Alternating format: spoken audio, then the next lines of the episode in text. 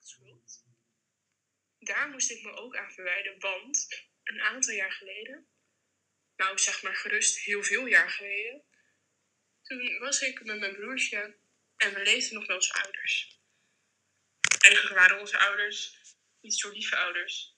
Want op een dag, opeens, uit het niets, gingen ze naar de noppes toe om een mandje te kopen. Dit mandje was precies groot genoeg om mij en mijn broertje in te leggen. En dat deden ze dus. En niet zomaar op een tafel. Nee, in de rivier. In deze rivier dobberden we. We dobberden heen en weer over de hoge golven. Tot we op een dag bij de kant kwamen. Daar was een grote, lieve wolvin die de zorg voor ons op zich, op zich nam. En zo waren wij bij de wolvin beland.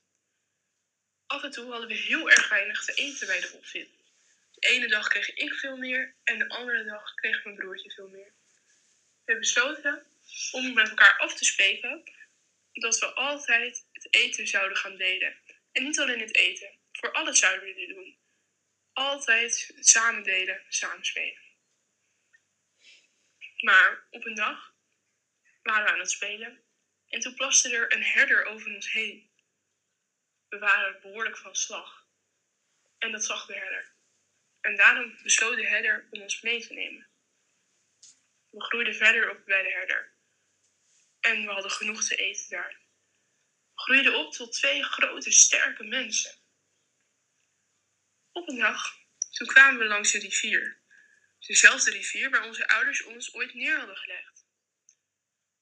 We hadden een idee. Hier moest een stad komen. Maar we hadden wel een aantal vragen. Waar zou de stad nou precies moeten liggen? En wie zou de stad de naam moeten geven? En natuurlijk, wie mag er over de stad heersen? We waren aan het denken, denken, denken en denken. Onze hersenen kraakten een heleboel bij elkaar. We stonden boven op de heuvel en we hoopten op een teken van de goden. We stonden er dagen, urenlang, van ochtends vroeg tot avonds laat. Alleen, er kwam geen teken. Dit kon zo niet langer. We moesten een oplossing bedenken en die kwam er. We zouden een persconferentie geven. En er kwam er honderd man om te gaan stemmen over wie er de heerser mocht zijn van de stad. En zo kwam er dus enkele dagen later een persconferentie. Mijn broertje en ik stonden in een kamer, allebei aan een hoge tafel, met tussen ons in een gebarentolk. Ik vertelde mijn verhaal, waarom ik graag de heerser van de stad wilde zijn. En zo deed mijn broertje datzelfde, waarom hij de heerser van de stad mocht zijn. Het publiek ging stemmen. Vijftig stemmen kwamen er voor mij en vijftig stemmen kwamen voor mijn broertje. Het was dus gelijk.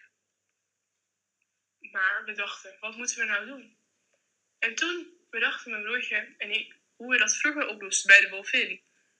We deelden alles. En zo kwamen we op het idee om het leiderschap ook te gaan delen. Onze ultieme droom was om de leider te worden van de stad. Maar goed, dat ging niet lukken, want we zouden samen de leider worden. En daarom maakt belofte altijd schuld.